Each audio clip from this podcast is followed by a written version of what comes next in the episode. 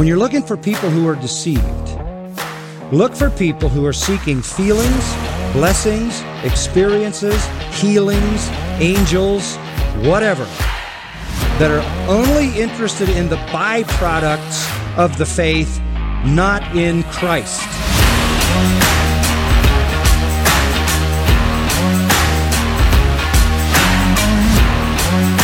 Come out from among them. Run for your life. Because this is about your life. It's not just about an opposing theology or a conflicting viewpoint on Jesus. This is about your life. Run from gospels that focus only on success and prosperity. Run. Run from churches where men and not Christ are glorified. Run. Run. Body of Christ, run.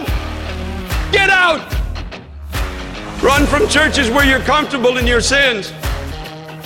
Run from preachers that stand and tell stories and jokes. Run like you've never run before.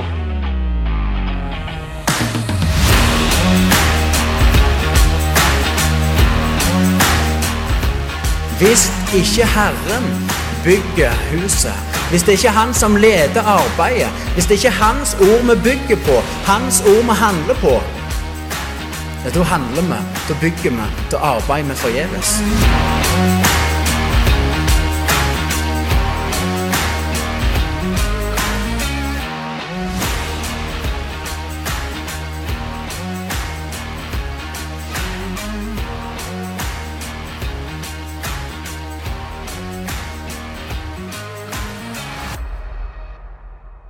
Velkommen tilbake til Reformerte lekmenn. Mitt navn er Håvard Handland, og som du ser, så er vi tilbake i studio. Nå har det vært en lang pause. Nå har det vel vært et år siden sist. Thomas, min gode venn, han er med meg. Fremdeles. Og, ja, fremdeles. Og vi har med oss en hel gjeng til her i studio. Og disse fjesene som er med oss her i dag, de skal dere få se mer av. Vi kan jo begynne med å introdusere dem. Og da må vi faktisk gjøre det på engelsk, for her er det litt amerikansk og litt forskjellig. So, welcome everyone. Good to have you here in the studio with us. Thank you. Uh, Matt, that's a familiar face. I think our viewers have uh, seen him before. We can uh, have a little catch up with you. How how's everything going, Matt? Oh, it's been a great season of ministry. We're really looking forward to what the Lord uh, has in store as well in the future. Um, for those of you who don't uh, know who I am, I'm the pastor of First Presbyterian Church of Norway, and we're an international church in Stavanger, Norway, for internationals and Norwegians. And we have a great, what I'd call third culture. We're we're not American. We're not fully Norwegian. We are an international third culture, I'd say. And for me, it's a wonderful representation of the gospel of Mm. Jesus, who's redeeming a people from every tribe and tongue and nation. And uh, of course, I love all the Norwegian stuff that's going on and happening as well. We're happy to be here in country. Um, recently, we've brought a couple uh, new guys on staff as well. So Peter Moy is on the team as our administrator, uh, and he's also helping with a lot of uh, the shepherding ministry. He's one of our ruling elders as well. And uh, Gideon Rousseau, he come, who comes to us from South Africa and is a PhD student at Puritan Reformed Theological Seminary. He's coming on to help us with our discipleship ministries and education and outreach. And even right now, we're working on uh, laying a foundation for a future seminary to train up Norwegian church planners, Scandinavian church planners for the the work of Reformed church planning Yeah. up here. So it's, these are really exciting days. Yeah, it's it's very exciting, and and uh, one of the reasons we haven't, you guys haven't seen us for a while, uh, it's it's because, uh, as Matt says, it's lo- lots been going on, and and uh, we have uh, been so uh, privileged that we have been sent out uh, to plan a church fr- from Matt's church, and he he sent us out to plan a church in the mountain landscape in Ualand uh, me and Thomas. So uh, we have been busy ministering to a small congregation over over at Ualand, and um, and uh, that's church. That church is called the Berøa Presbyterianske menighet, uh, kirke, church.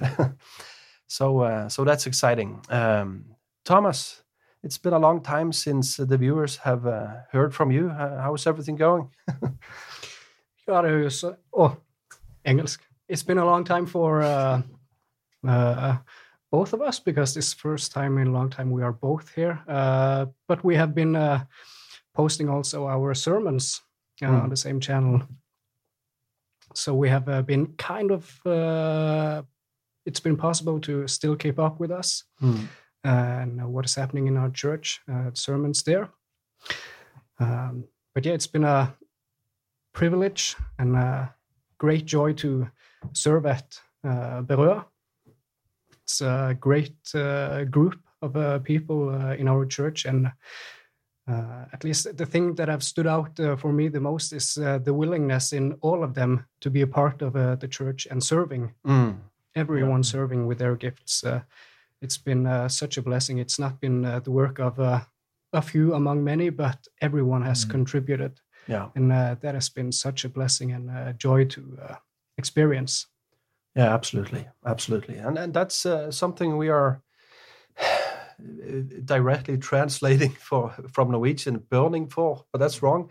Det er noe med, det er noe med brenne for. How do you say that, Peter? It's something we have a passion for. That's something Passion we have a passion for.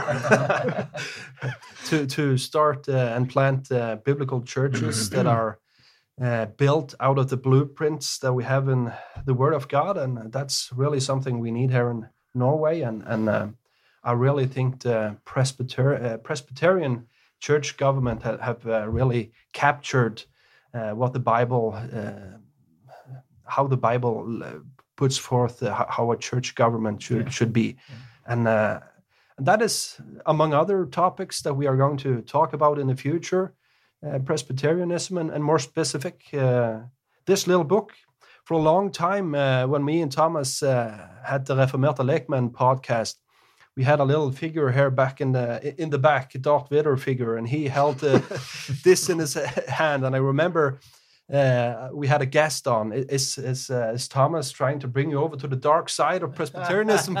what, is going on? And, and there was some truth to that. I, I I didn't go over to the dark side, but I, I went over to to become a Presbyterianism and um, Presbyterian. I mean, Yeah. sorry, and uh, yeah, and, and this uh, little confession. Uh, let's talk about that. What what's uh, I would like to first say one thing because uh, when we first started this podcast, it was uh, yeah we were uh, three or four with the technicians and so on. Yeah. I was the only Presbyterian, but now the tides have turned. yeah We are all Presbyterians Yeah, here now now. we are. even the technicians. yeah. No. Um, what are we planning to do in in? Yeah, we, we got to introduce these uh, these gentlemen over here. We have uh, Peter with us, Peter Moy, and uh, we have uh, Gideon. What's your last name? Rousseau. Rousseau. Rousseau. Tell us a little bit uh, about yourself. We can start with Peter. Well, as Matt said, I'm Peter. Um, I am one of the elders at FPC in Yeah. Stavanger. I've been that for a year or two now. Mhm. Yeah. Um, I'm doing most of the admin, people, sometimes preaching, and uh, been part of this growing group for a while as we've studied both the Westminster and theology generally. Hmm. Uh, and uh, we're, as Matt said, we're so excited to see Gideon also come on with board. We're so excited to see how you guys are doing and the the common work that we're trying to do here Hmm. in Norway. Mhm. Yeah.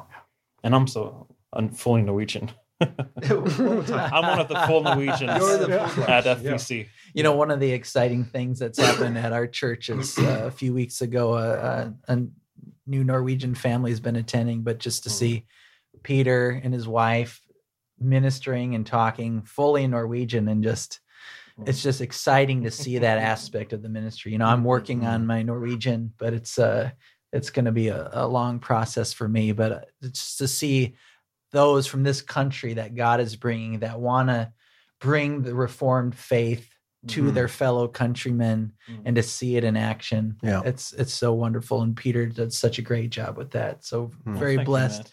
And uh, Peter was also one of the first that the Lord brought uh, brought to us when we were working on coming over. We met at uh, Salmon for Evangelia. Yeah.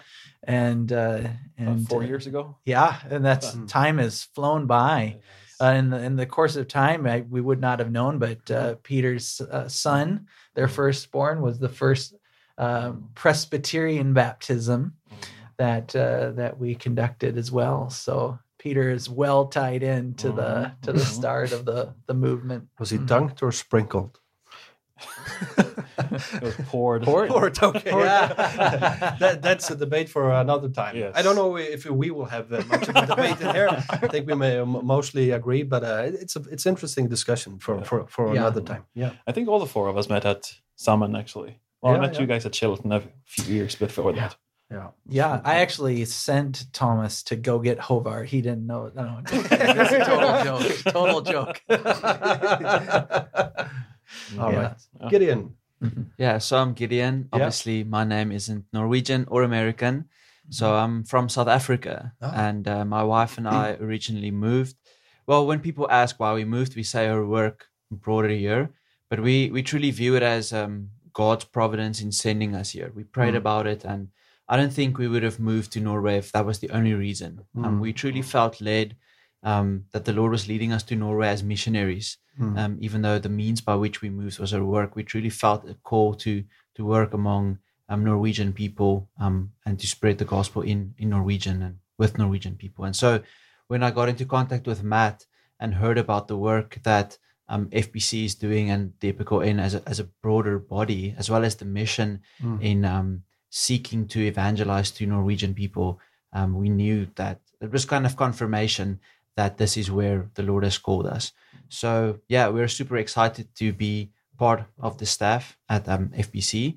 I'm also a full-time uh, theology student at um, PRTS, doing my doctoral research in the Dutch Further Reformation. So I'm I'm reading a lot about the Heidelberg Catechism and a lot of the continental theologians. So it was quite ironic that Matt would get me on staff at FPC Stavanger and ask me to to do a class on on the Westminster. Yeah. Um, since I'm so well acquainted with the Heidelberg, it almost feels like I have to do research and being new in class, to- studying the Westminster. It's yeah, it's been a real joy so far, even though I've only been there for a week or 2 um, as on staff. Yeah. I was excited. We uh, the crew is growing. And, Yeah. and uh, we are getting uh, more people on board the ship and uh, helping us moving the ship along, and so that that's exciting.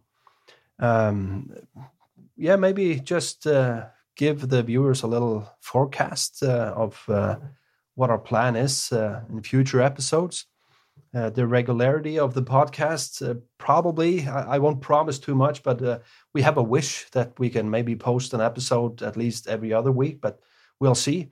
And, and um, some of what we we want to do is um, we want to be here to first of all answer questions that people in our church or other viewers have. Uh, th- this can be a good format where good questions could could be discussed and answered, and so that is something we want to do. And and um, for those of us, uh, those of you that uh, follow us on Reform, uh, Reformerte Lekmenn, feel free to send in questions there on on um, on our pod, podcast uh, Facebook page, and uh, we could uh, bring them up here for discussion in these podcasts.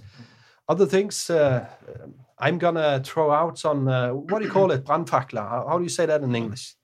Throw out a torch. Yeah, throw out a torch and uh, sometimes just uh, questions that I want us to discuss, and I think that's gonna be fun and interesting.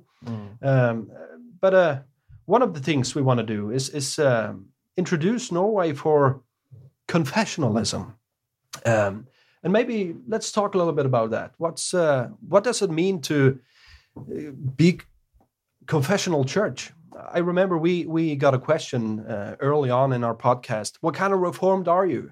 Uh, was a guy from Sweden. Are you a confessional podcast? he asked, and and uh, many of the viewers maybe wonder what what in the world are they talking about. So I just uh, I'm, I'm throwing it out there. What what what does it mean to be a confessional church?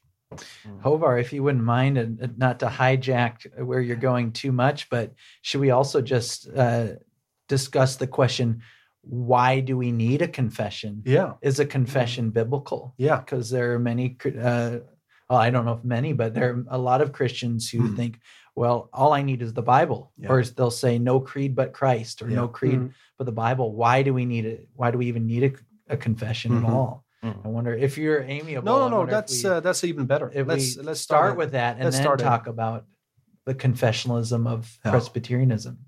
So why do we need a, a confession at all, Matt? Yeah, yeah. Well, I would say uh, first and foremost, the Bible uh, essentially demands that we have confessions.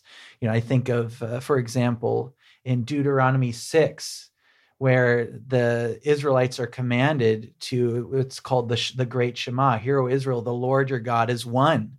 That Mm. that's a doctrinal statement Yeah. that the Israelites were to confess about who God is, about a monotheism. There's not many gods, there is one God. Um, or I think of Jude, when Jude is uh, having to deal with false teaching in the church, he tells the church that it's necessary for them to contend for the faith once for all delivered to the Hmm. saints. Now, these false teachers were using scripture as well, but twisting it. Yeah. And so that we there is some need to be some kind of consensus on what the Bible actually teaches. Hmm. Because really those who say there's I have no creed but Christ or no creed but the Bible, what they're saying is I have no creed but my own interpretation Hmm. of what the Bible says. And so we need to have consensus on these things of, of good, solid reflection on what the Bible teaches. You know, I think in that too is the role of an elder. So when we talk about Presbyterianism, we're talking uh, the word presby- presbyter is the Greek word for elder. So it's just a biblical word for the kind of church governance we believe is biblical, the Mm. the oversight of elders Yeah. over the church. And uh, and when Paul uh, is writing to Titus uh, in Titus one, he he tells him it's you've got to finish your work and appointing elders in all the towns um, that we have gone, and that as he goes through the list of qualifications for elders, they must be able to teach sound doctrine Hmm. and rebuke those who contradict it. So, this word doctrine, that's a theological idea that we actually have doctrinal truths that come out of scripture that become the basis by which we teach and instruct and build up the church, but also rebuke those who are teaching contrary to Mm. scripture. So, the Bible commands us to do theology you know i think of one other one other place where i think confessions and theology in general is necessary when the uh the, i believe it was the sadducees who were rejecting the resurrection and they're challenging jesus and uh, jesus they're at saying so you know when this woman marries and then her husband dies and she marries another whose will she be in, in the resurrection uh, in jesus's debate with the sadducees he cites Exodus 3 as his basis for the resurrection, saying that the um, God is the God of Abraham, the God of Isaac, and the God of Jacob. He's not the God of the dead, but of the living. Jesus is doing theological reflection on that text because you couldn't point to that text by itself and say, well, that's the doctrine of the resurrection. So many people will say, well, where stands it written? We're also called to do theology Hmm. as well. And that's what sound doctrine is it's doing theology based on scripture, following even Jesus' own model.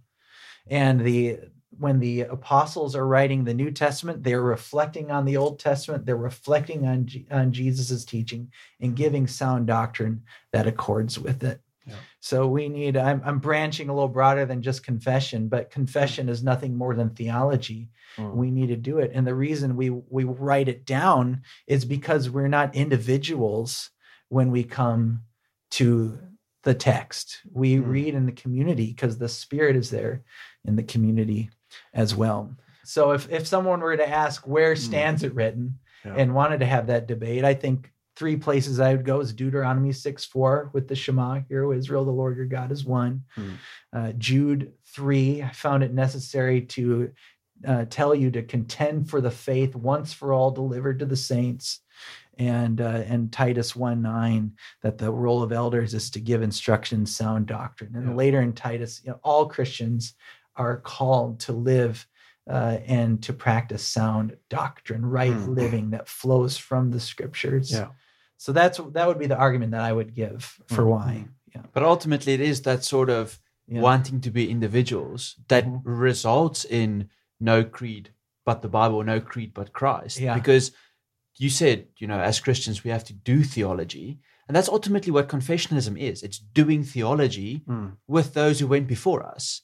And so I hmm. would say, if you look at church history, which is what I'm studying, you have creeds and confessions from the fourth century up until like yesterday. And then hmm. people decided, no, creeds and confessions are not important anymore. It's just me and my Bible. And I would say maybe the rise of individualism in the 1900s is the only reason for this. Yeah. It's like you don't ever have churches up until the 1900s without creeds or confessions. And then all of a sudden it's my personal faith with Jesus. Hmm. It's, you know, my faith, my prayer, my interpretation of the Bible is that's a very prideful and very unchristian way of approaching the text. Hmm. Um, when you look at church history, they would always consult either commentaries or creeds and confessions, and and you would look at church history as sort of retrieval of that which was before them. Hmm. So you see in Calvin and Luther that they would retrieve the theology of the men who went before them. And so I would say for for listeners who are not sure about the confessions, is I would say it's it's the most sure way of knowing that you're on the right track theologically and a very short way without having to read all of Calvin's institutes. You can read that small, thin book that you have, the Westminster Confession, and have a, a short summary of what the church has historically believed um, as a base and sort of a standard by which you can hold your theology and be sure that you're not walking into into heterodoxy Yeah, ultimately. Yeah. And many of the confessions historically has uh, been written in light of great controversies, like uh, uh, the Nicene Creed, the Arian controversy, where uh, the the big um, uh, discussion was the deity of Christ. Kind of, was he from eternity, or was he created, or has he always existed, and and and and so forth. And many times those horrible situations when when uh, Paul's teaching is is fluent and and that God uses. It's interesting to see it through history that God uses those times to to um, force kind of the the Christian the Christians to sit down and formulate what does the Bible teach on this area, and and all through church history you have had different um, wrong uh, doctrines that has come up and forced the Christian church to sit down. What does actually the Bible believe in this? So, so for us now in 2022 to, to sit down and look back on what the Christian body has has defended through history, and we can say today, yeah, amen. We also agree to that. And in both of our churches, I think uh, every Sunday, at least in our church, we stand up and we confess the Apostles' Creed. And I, me and Thomas, we we asked the church, church, what do you believe, and what are you willing to die for? And then we recite the Apostles' Creed. I believe in God the Father. I believe in the Lord Jesus Christ, and and so forth. And that's a wonderful thing to to that the whole body can confess not only together with those who are present, but with the body through history. Because, uh, like Christ said to Peter, uh, the hell, the gates of hell will not pre- prevail against the church, and all of those confessions are really a testimony to that. That that the church has prevailed, and um, yeah, there's two things that really stand out to me in, in this modern age that we live in as well is that uh, we live in a time when history is being erased. And yet at the same time people are longing for meaning and truth. So it's a strange uh, tension dichotomy that's going on where on the one side people want individualism they want what's new and at the same time they want something that's true and real. You know so i call it the modern social progressive evolutionary mindset. It's kind of a mm. mouthful you know but we're this taught we're being taught it's the air that we breathe that new is good old is bad. Mm. Now mm. we are intelligent enlightened back then they were dumb and stupid and and so on and so forth. we're coming out of the dark ages. But just think about that practically though. What uh, if you if you go to school you know what field of study has decided to destroy all knowledge prior to now? And and said, well, we're just gonna like architecture or engineering, you know, any practical field, medicine would come to a complete stop if we just said we're going to ignore everything that's been studied and do everything new now because obviously we we know better. And yet we do that spiritually all the time in the modern church and it's so sad because we are robbing the church of its ability to grow and be mature and grow in wisdom.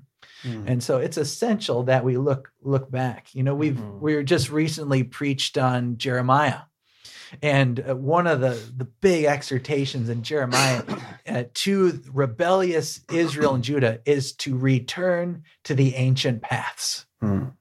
go go back and walk down the ancient pathways. And that's what we get to do with the confession. Yeah. we get to hold on to something that's been vetted for centuries. And that's been it's been what god's people Yeah. even at times across the christian traditions have affirmed and believed and it's there for us to Mm. grow and to help us read and understand the bible with greater clarity and it's just foolish to think Yeah. we can go without it Mm. yeah that was one of the ways that I became a Presbyterian because I saw myself in my church and I knew my pastor. I know he taught the Bible. I knew who the pastor was before the current pastor, and I knew what he taught. But I thought, okay, what about all the things between Paul and the apostles and my pastor's pastor? What has happened there? So that led to a backtrack. And that led me to these confessions. Confession, I confess, I hold to. This is what it is. And creeds is another Latin Latin form for credo. I believe. Mm. So even when the Bible speaks about professing and confessing Jesus as Lord, that is a creed. Mm. You're Mhm. confessing Jesus is Lord. But then you might say, well, what is the continu- continuation of that? What does it mean for him to be Lord? yeah Why is he Lord? Where is he Lord? What else is he? And then you come then you can branch it into everything. Jesus is Lord. Okay. Is he Lord as a human or is he divine? And then you go into, okay, we need to figure out, okay, is Jesus divine? And from I would say all evangelical Christians would say, yes, yes, Jesus is God. But to say, I believe Jesus is God, is a creed. You're saying he is God. And then you're like, okay, show me the text. Here's the text that builds up my belief in it. And you say, okay, that's a confession. That's a cry. That's a creed. Okay, is God, is God, is Jesus God alone? Well, yes, there's only one living true God, but he's also three persons, the Bible says. And then I said, okay, I believe in God, the living and the true God. And I believe that he's three persons, the Father, Son, and the Holy Spirit. And then you're just building your creed, in a sense, your confession. But as Matt said, with medicine, engineering, and art, whatever you're talking about, if you're always having to start over again, Mm. like I forget what my parents' generations taught, I just leave off what has happened the last Mm. hundreds of years, then you won't get very far and you'll meet a lot of confusion. Mhm. But if you hold to something that has been gone through for years and years, and you find, okay, this is actually pretty pretty biblical. It is actually very biblical. We don't hold to it as the Bible, but we hold to it as long as it is in agreement with the Bible. Mm. As long as it's, this is saying, this is what we believe. I believe Jesus is Lord. I believe he is eternal. I believe he is God because of the citations it gives to the Bible. It's kind of interesting historically, uh, at least uh, for the last centuries. It's been very popular that if we want something to work, we got to do something new, Mm. and that's I think what we are trying to do is straight opposite. and that, that's the whole f- f- fundament. Uh, how do you say it? Uh, Foundation. foundation. Yeah. is my uh, Mhm. bad Norwegian. as Matt said, with the we need some belonging. We need it to be well rooted Yeah. down to the dirt. So, so our our thing here in this podcast and with its movement isn't that, hey Norway, we have the new stuff Yeah. that is going to work this time. I, I- I think, as Matt said, we we are like uh, the the prophet saying, you need to go back to the old roads. Mm. You need to find the, those old paths. Um, so, so that's the that's the answer, Thomas. Ad Fontes. Ad Fontes. At Ad Fontes. Fontes, yeah, the spirit of the back to the source. Yeah, and as uh, been said earlier, with this um, individualism, I could, uh, I can really uh, see myself in that some years ago because uh, I had this uh, kind of thought that uh, well, the Bible is my confession, and uh, if you have a confession, it is just a dead tradition in itself, and uh, uh, I, it's just me and the Bible. But uh, I remember reading a.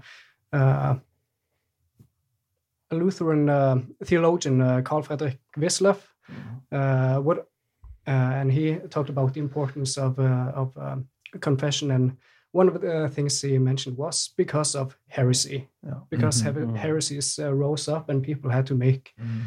a statement on what the Bible says. So uh, that book really helped me to see the import- importance of having a confession uh, because one of the aspects is to protect against heresies, Mm. uh, but also uh, not to uh, think my, too highly of myself as wisdom is born with me, uh, Mhm. See not uh, the people from history, uh, but to recognize uh, they were filled with the same spirit as I am, and uh, they Mm. were uh, great thinkers and theologians, and uh, I ought to listen to what they have to say. Yeah, absolutely. Yeah, we need to be balanced. We we need to go back to what they they taught us and reveal to us, and then on the other hand, we need to be like the Bereans who sat down with Paul and said, "Where where does this say this in Scripture?" And Yeah. so this would That's be right. my um, invitation to the listeners Mhm. to say, "Don't take what we're saying as gospel truth. Go to the wo- confession." Look what it says, and then compare that to scripture. And we need to do both. We need to be humble enough to say that those who went before us knew better than us, but we also need to be wise enough to say, well, scripture is my ultimate authority. Mm. So let me compare this to what the scriptures say. Yeah. You know, that was one of the encouraging things for me because I didn't grow up Presbyterian either. I grew up in a good evangelical church, but not Presbyterian. But what I discovered is those that uh, studied, tended to study the confessions and hold them up the most, also happened to be the most word fearing people that I knew as well. So some people want to draw this like false division or dichotomy between the word and then theology, as if mm-hmm. those things can exist together. But actually, the people I've seen who have loved and held up the word the most in their preaching and teaching are also those that see the value and importance of the confession. You know, another thing for me in my journey to Presbyterianism was when I read the Westminster Shorter Catechism, I realized this was written for children. You know, and my wife and I are looking, it's like, really? Wow. I mean, it's so deep. And it, it- to me, it highlighted how um how immature or how unprepared we have become in the modern Mm. evangelical world to to think theologically. Hmm. That this thing hmm. that was written for children then now is the stuff that you're lucky if an adult would would memorize Yeah. or learn. And that shows but those people that hold up Mm. the confession are the ones who are holding high the word of god above all things. Hmm. And they're using the confession as as it were a teacher walking you through scripture. And what does scripture mean Mm. but all the time even the confessions they're pointing you back to scripture they're Mm. calling you to study the word of god Yes. and to see if what the confession is saying is true Mm. yeah So to to um, maybe try to summarize um, before we take it a step further. Okay, we have talked about confession, uh, confessions, and creeds in, in general. Why is it important to have a confession? Why is why have a confession at all? And and um, I think if we now move a step further and ask the question, why should churches have a confession, and what kind of confession should it be? And uh, we we we have some recommendations. um, yeah, so so we we all I think come from different contexts, and uh, in Norway where where, uh, where we find ourselves, it's uh, we have a kind of Christian culture. Many is have grown up in what's called uh, bedehus, the prayer house, and um, usually there aren't necessarily a very big confession.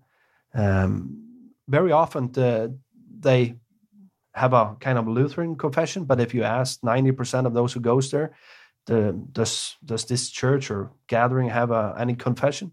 Well, we get no idea. So so that has not been a very normal thing. Uh, nothing you have a close relationship with. Um, but what we are arguing is that churches need a confession because we need to defend the faith. Mm. Uh, the church is the pillar and foundation of the truth. And, and if we can't agree and, and try to define what the truth is, what is supposed to be the how can we defend what we can't put down on paper? So, so uh, I think that's just uh, just to bring us into the discussion. Mm. So there are different um, confessions, and but there is something called confessionalism, and and um, in in America that is a very normal term, I, I bet. But here in Norway, that was we aren't used to talking like that, and and we have a confession here with us today. We uh, it's called the Westminster Confession. Um, you guys that has been a Presbyterians longer than me, can, can you tell me about this book? Who, who wrote this document? Well, I wonder if just backstepping for Yeah, I a thought moment so to lead up to that, yeah, but in that just a, a this is just a very painting with broad brushstrokes of con- the history of confessionalism uh, that leads up to Yeah, where yeah. we are, and then how like the Presbyterian confession fits in. I think Mhm. that's I've found Mm. when I explain this to others, it's helpful yeah, to see that bigger thing, that bigger perspective.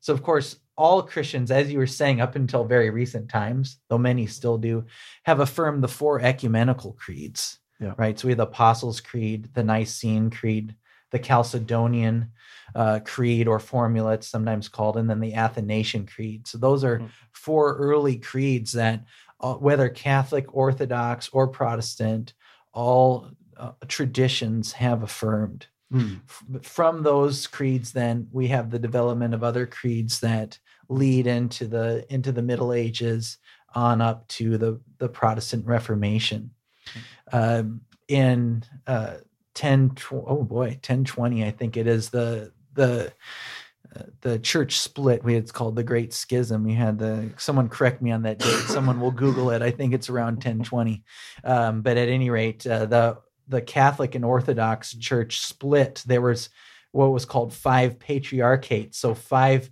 uh, places where the bishops of the church up in that time roamed so you had jerusalem alexandria uh, antioch uh, constantinople and rome. And that was called uh, this okay here big theological term collegial episcopacy. So you had a thing of college but you had these five bishops right? And that was the church. Well in 1020 the church split if i have my date right. 1054. oh thank you. 1054 thank you brother the benefit of google. Yeah. uh 1054 No, no, no, no, no, no. the east and the west split. And the church of rome thought the bishop of rome thought he was better than everyone. So that's a discussion beyond what we have today. But at, at this at this time then we have the development of two traditions that come out of it. And of course to make a long story of, of short there were a lot of theological and church abuses that were happening uh, in this time, particularly in the Roman tradition that leads to the Protestant Reformation, to Luther nailing the 95 thesis on the church door at Wittenberg. Uh, and uh, he, his 95 thesis itself becomes kind of a confessional a treatise uh, in its own right. Uh, and that's going to lead, and then the German tradition to the Augsburg Confession and what's called the Formula of Concord, which is a number of different confessional documents that um, make its way from Germany to places like Norway over the course of time. In the meantime, during the Protestant Reformation, we also have the the continental reformation going on in places like Switzerland and and France and elsewhere, as well as England and Scotland and Ireland. So sometimes I've loosely told people Presbyterianism uh, is like the Lutheranism uh, of, of England. That's not entirely accurate because you have Anglicanism as well, which becomes more the the uh, the formal state church religion uh, over the course of time. I'm brushing over a lot of history. Mm. I'll let some of the other guys speak to some of the Presbyterian stuff, but out of out of the English Reformation comes the writing of the Westminster Standards, uh, which then uh, the Westminster Standards itself becomes an influence on a lot of different Protestant traditions. So maybe even before talking about specifically about the Westminster Standards and how it came about, I could just say that for the early Baptists, they took the Westminster Confession of Faith and used it verbatim Mm. Uh, in their 16.9 it's called the 1689 second london confession they they they use the westminster standards verbatim with the exception of where it talks about baptism and some church government Yeah. matters and relationships to church and state And verbatim means by word almost. Like, yeah but it's as it exactly the same Mm. they, they like, exactly the same so so this th- this wasn't merely what presbyterians believed it's what the reformed baptists believed wholeheartedly as well Mm. and then for the congregationalists which they were infant baptists but they believed in a congregational form of government rather than a presbyterian they used the westminster standard verbatim in the savoy declaration but then made some changes around uh, a congregational form of government so the westminster confession of faith truly is as i would argue the full flowering of the protestant reformed tradition at least in the english speaking and swiss uh, speaking world from the Swiss and continental um, perspective, coming from Calvin and others, and it's influenced everybody. Mm. And so it's it's not when we talk about the the blessing of this confession, it's not merely if you want to be Presbyterian, it's good for you. It was the foundational kind of again summary of the Protestant thinking as it worked its way from the time of Luther to the next the next century in its kind of full flower Mhm. form. And it's a- important yeah. to remember that many of those who wrote the Westminster Confession were catechized using the Heidelberg Confession, for Mhm. example. And they, some of them, so the guys that were at Westminster, they they were representatives at the Synod of Dort. Yeah. So you have, you know, Westminster didn't just fall out of the sky. These guys were also, as Matt said, within this tradition that they were reading the other catechisms that other Reformed churches, like the Dutch Reformed Church, use today, as well as some of them were at the Synod of Dort. So this was really a culmination or a coming together of traditional Reformed theology from all spheres of um, Europe. You had John Knox's Presbyterianism in Scotland influencing this as he was learning from John Calvin. You had a lot of the Puritans reading the Continental Reformers, and that theology influenced their thinking as well. Um, and so the Westminster Confession, it, I would say that's a great summary by Matt, is saying that it is the flowering or almost the birth or coming together of uh, traditional Reformed theology as it existed in Europe. Mm. And it was just, yeah, them putting their words and their thoughts and theological ideas on paper. Yeah. Yeah. And maybe that takes us to a little bit more specific. Um, how this did this confession come to be? Mm. Many think that well, a confession was that one guy that just sat down and in a cave and uh, got a revelation on some gold tablets. What's going on there? It was actually a castle. No, just kidding. but but the Yeah. interesting thing you you have mentioned congreg- congregationalists, Anglicans, Mhm. uh, reforms, uh, and and so forth, and the reality is that many people with different um, uh, convictions when it comes to church government sat down and and wrote this book. I, I heard uh, once actually that I think there were only two or three Presbyterians uh, in in uh, of 140 do you know the specific number how many were a part of it some numbers on that. the Westminster Divines. Yeah. is there is over a hundred that were called. Just under a hundred um, participated yeah in uh, in the writing. Mm. I think you're asking who- who were they? Were they Baptist? Were they Is that right? Did I Presbyterian? miss yeah yeah yeah yeah Were they Presbyterians? Were they Baptist? Were they who were who were these men? Yeah, they weren't all Presbyterian. There Hmm. were uh, delegates. Some were Congregationalists. yeah uh, Gideon, help me out Here. Yeah, here. some were yeah. Anglicans. You even Mhm. had some Baptists who weren't necessarily known as the Westminster Divines, Mm. but Yeah. they also gave their input. And so there's a there's a very long history. And if any of your readers would like to make a lot of money, I would actually make a movie of how this came to be or a series because it is it is crazy. Like you would never uh, uh, put like murder and adultery and civil war or any of those big categories to church history. Yet many times when you read the confession, we don't think that some of these guys might have heard cannons going off because there was a massive massive civil, Civil war, War. going on while they were writing this confession. And so without going too deep into the history of of how the Westminster um, standards came to be, I think it, it's just important to note that during this time they were trying to unite both England and Scotland and basically the whole of the UK back to each other. But the big problem during that time was that the government or the state and the church were basically one. And so in England, you had Anglicanism, which played a massive role and basically dominated both state and the church. And a lot of the Scots were more um, convinced of Presbyterianism as a form of church governance, which would then also influence the state in Scotland. And so there was this massive split between these two countries. And so at the Westminster um, Assembly, where they wrote the Westminster Standards, of which um, the Confession and the, the shorter, larger catechisms are part, this was basically a time period where they said, okay, let's meet together to see if we can sort our theological issues out.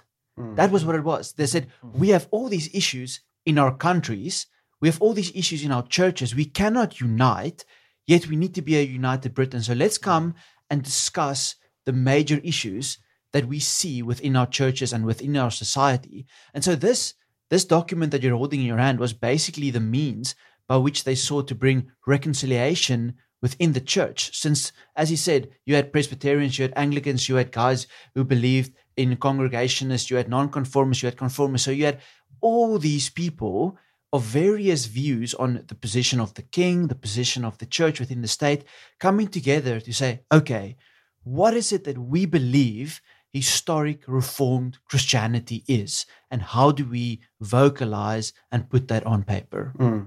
How long, uh, wonderful. How long did it take? Where to where write did it? you find this guy?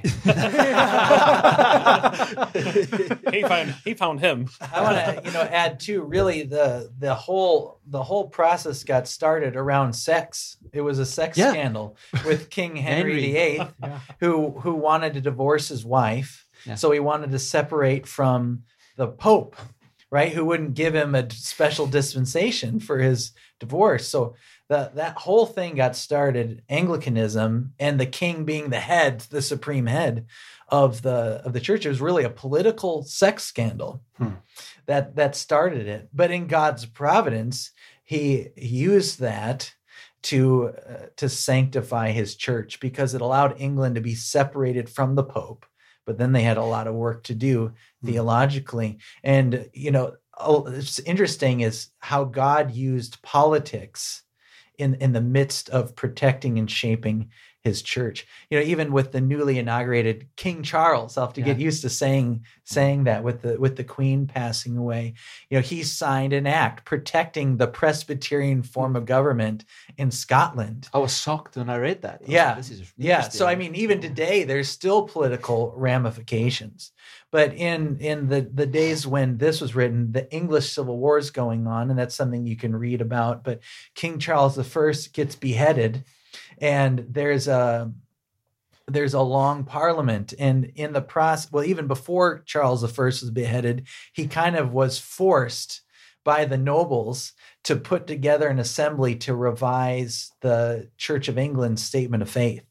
So the original project was to revise the 39 articles which is the statement of faith for the anglicans. Hmm.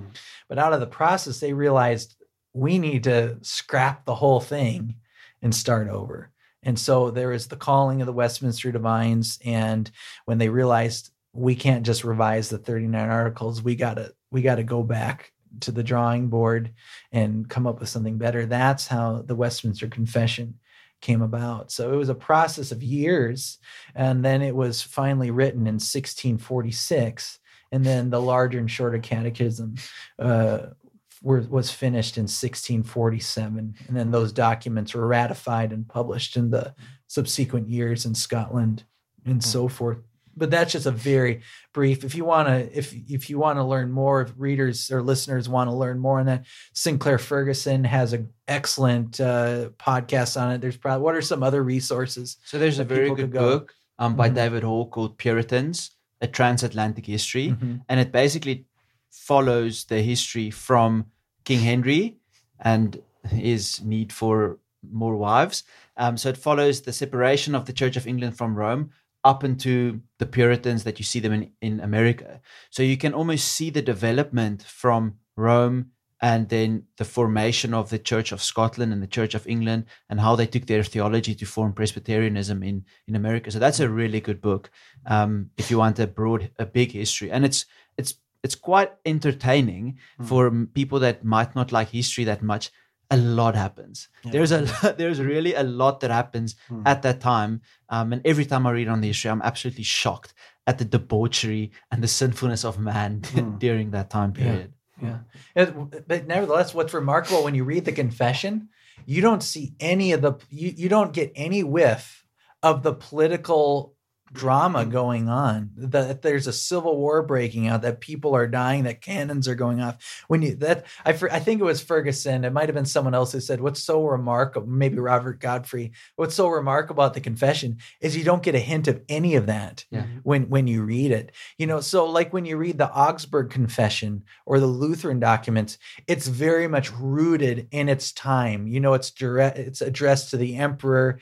They're dealing with very specific things of their day and it reads that way um, and it almost and i don't want to offend any lutherans but it, it almost feels a bit rushed and focused so it's not as balanced and systematized um, because it was really written out of urgency for issues in germany.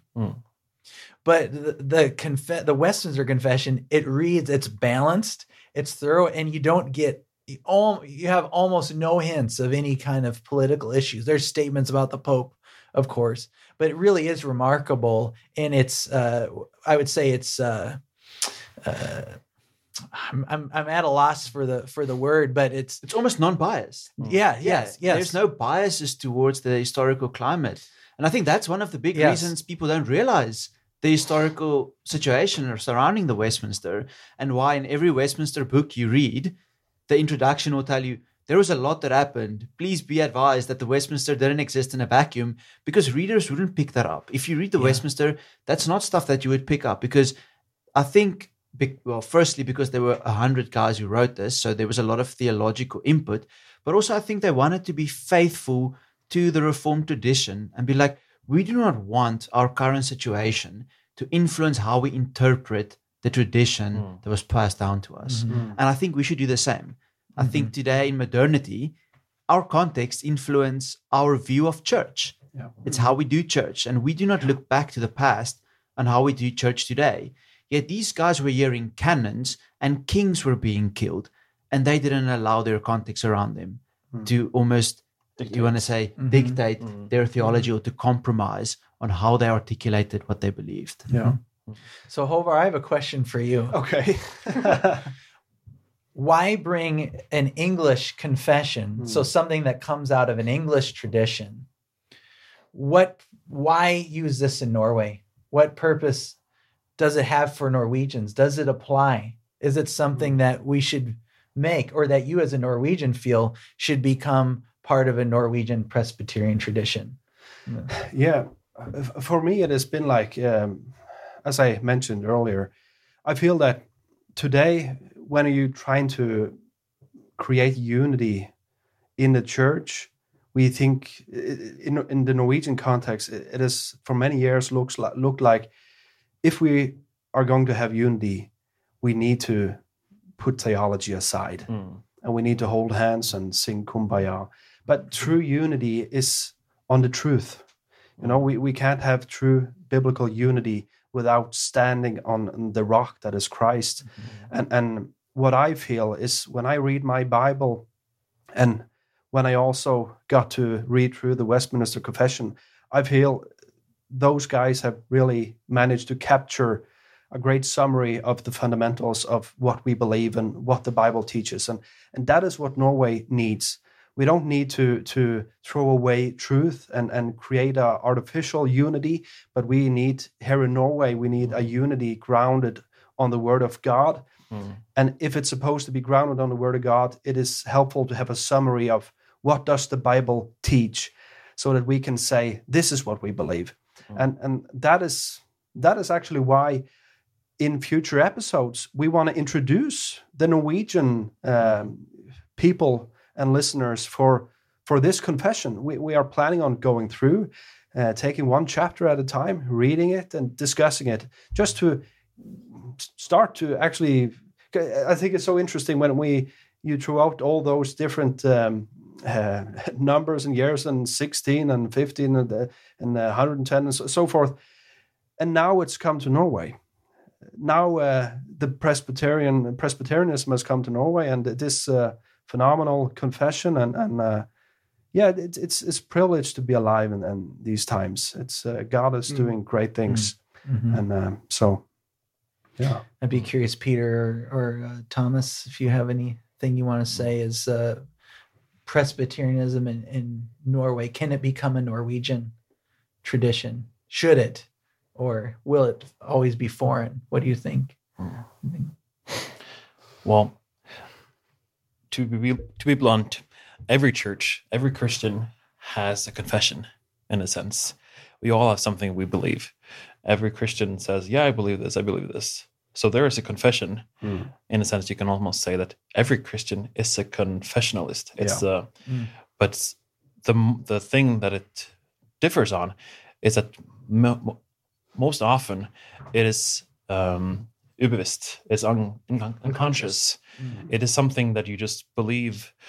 It's ingrained in the church culture. It's like Christianity, the the lingo of the church you're in. Everybody has a, has a confession. As the late R.C. Sproul said, everyone is the theologian. It just mm-hmm. depends if you're a good or a bad one. Mm-hmm. And I would say the first quality of a good one is to know what you believe instead of mm. just believing it, but to be aware that you believe something. Yeah. and, also uh, uh, why I think uh, the Westminster and Presbyterianism should, uh, and hopefully it will grow and flourish in Norway, i- is because uh, of uh, uh, one of the main things of Presbyterianism and its theology is the glory of God. Hmm. Uh, and uh, the glory of God is often uh, among Christians not a big priority and that is one of uh, the from Presbyterian preachers and uh, people I've read. The glory of God is so central uh, to um, uh, its theology. So uh, that is one of the reasons, at least, why uh, Presbyterianism should be uh, become um, greater in Norway, and also uh, with the church government, because it it is uh, it has a high emphasis on uh, structure and order, um, and that is a blessing uh, for the. It, is first and foremost biblical. God wants it because God is a God of order, uh, and we should imitate Him in our church uh, by uh, uh, by ordering the church uh, in that way, and uh, uh, it is a, a blessing and also a uh, to the church and also um, uh, a protection also for uh, the church uh, that uh, there are uh, it is a high view of biblical steps for how we do church uh, in uh, the Presbyterian world. And I mean, if Lutheranism can make its way from Germany to Norway, I think where the Westminster Confession can make its way from England. Here, it's closer at least. Yeah. So let's let's pray and hope in God's providence that happens. yeah. Yeah, it's interesting that even the West, the, those who writ, wrote the Westminster, it was a bit of an international document Yeah. because you have people coming from Scotland and Ireland, and uh, I think from the continent, a few as well. If I rem- I'm not an expert, but uh, on uh, the whole formation of the Westminster Divines, but from the continent as well, that it really kind of was accidentally, as it were, English, but it it was an international document.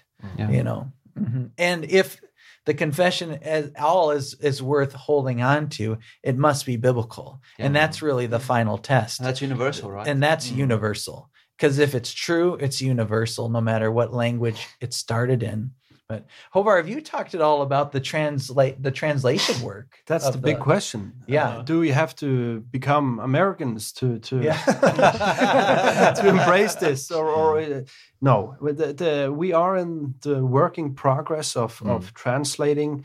We use the word Westminster Divines, or, or uh, Yeah, West- standards. Westminster standards, and and uh, to explain what that is, that is, uh, yeah, the compilation of the Westminster Confession and the shorter and the larger Catechism, and um, so we are in good progress. We have uh, people in our churches that are working on translating, and uh, Mhm. uh, we have how, Thomas. You're on the translating committee. Can you give us an update on the process? When when do we get to read this in Norwegian? It's uh, difficult to set uh, the exact uh, date for uh, when we can uh, read it in uh, Norwegian, but at least I can say that uh, we have uh, good people uh, or people in our church that do a good job um, uh, with the translation and uh, also the details of the translation. So uh, we are a good team uh, doing the work, uh, and uh, we are uh, currently working on uh, uh, the shorter catechism. Yeah. and uh, we are hopefully uh, finishing it uh, this fall. Yeah. Exciting. Exciting. Yeah. It's it's going to be so blessed to have this great document in our own tongue. Mm-hmm. I think there's something. Uh, my wife is also on the translate, translation committee, and she said that when they had translated a portion and they'd vetted it and gone through like this is this is correct, this is well read, well well well written written, and she read it loudly for herself. She said she was tearing up because Mm. she said it's something else to have it in your own language. Mm. There's something in you that's like, oh, this is a nice English document. But when it comes to Norwegian, there's like, huh, I can I can see this, I can understand this. Yeah. So that that is the thing. We we are not trying to Americanize uh, this uh, the Norwegian culture. So we want to make this Norwegian. We want to translate those uh, the, the these documents to to Norwegian so we can read it in our own, own tongue and so that's exciting. But we have two churches. We have a Norwegian church and and we have an international church and so we hit pretty broad. so um, yeah, yeah, we have uh, gone on for for an hour, and uh, there's more episodes to come. This was just a quick introduction and uh, just uh, saying hi to everybody. It's been a long time. Um, uh, yeah, you will see more to all of these guys. I think. Uh, thank you so much, uh, Gideon and Peter and Matt. It's, it's beautiful and, and good to have you on Good to be here. and uh, it's it's uh it's a little bit new new thing for me and Thomas to to do it in English, but uh, someday you will have to be forced to talk Norwegian. Yeah. with us. Yes, but we will give you more, a little bit more time uh, until you get there. Emphasis Well- a little. yeah. Contact. How can people get in contact with with us, uh, Matt? If people want to visit you and you guys in your church, what do you what do they do? Well, the easiest way is to go to our website, fpcnorway.org, and look us up that way. You can just Google it. We have a Facebook page uh, as well. One of our things, we're working on forming a kind of a media team to help us be a little more uh, out Yeah. kind of public out there but that's probably the best way and if you if you go on to the website there's a, a place to contact us Mm. so you can reach that way or just or look us up on facebook if you want friend us too Yeah. Yeah and um, we have also the Norwegian church, the Berøa Presbyterianske Kirke. We have our own uh, web page.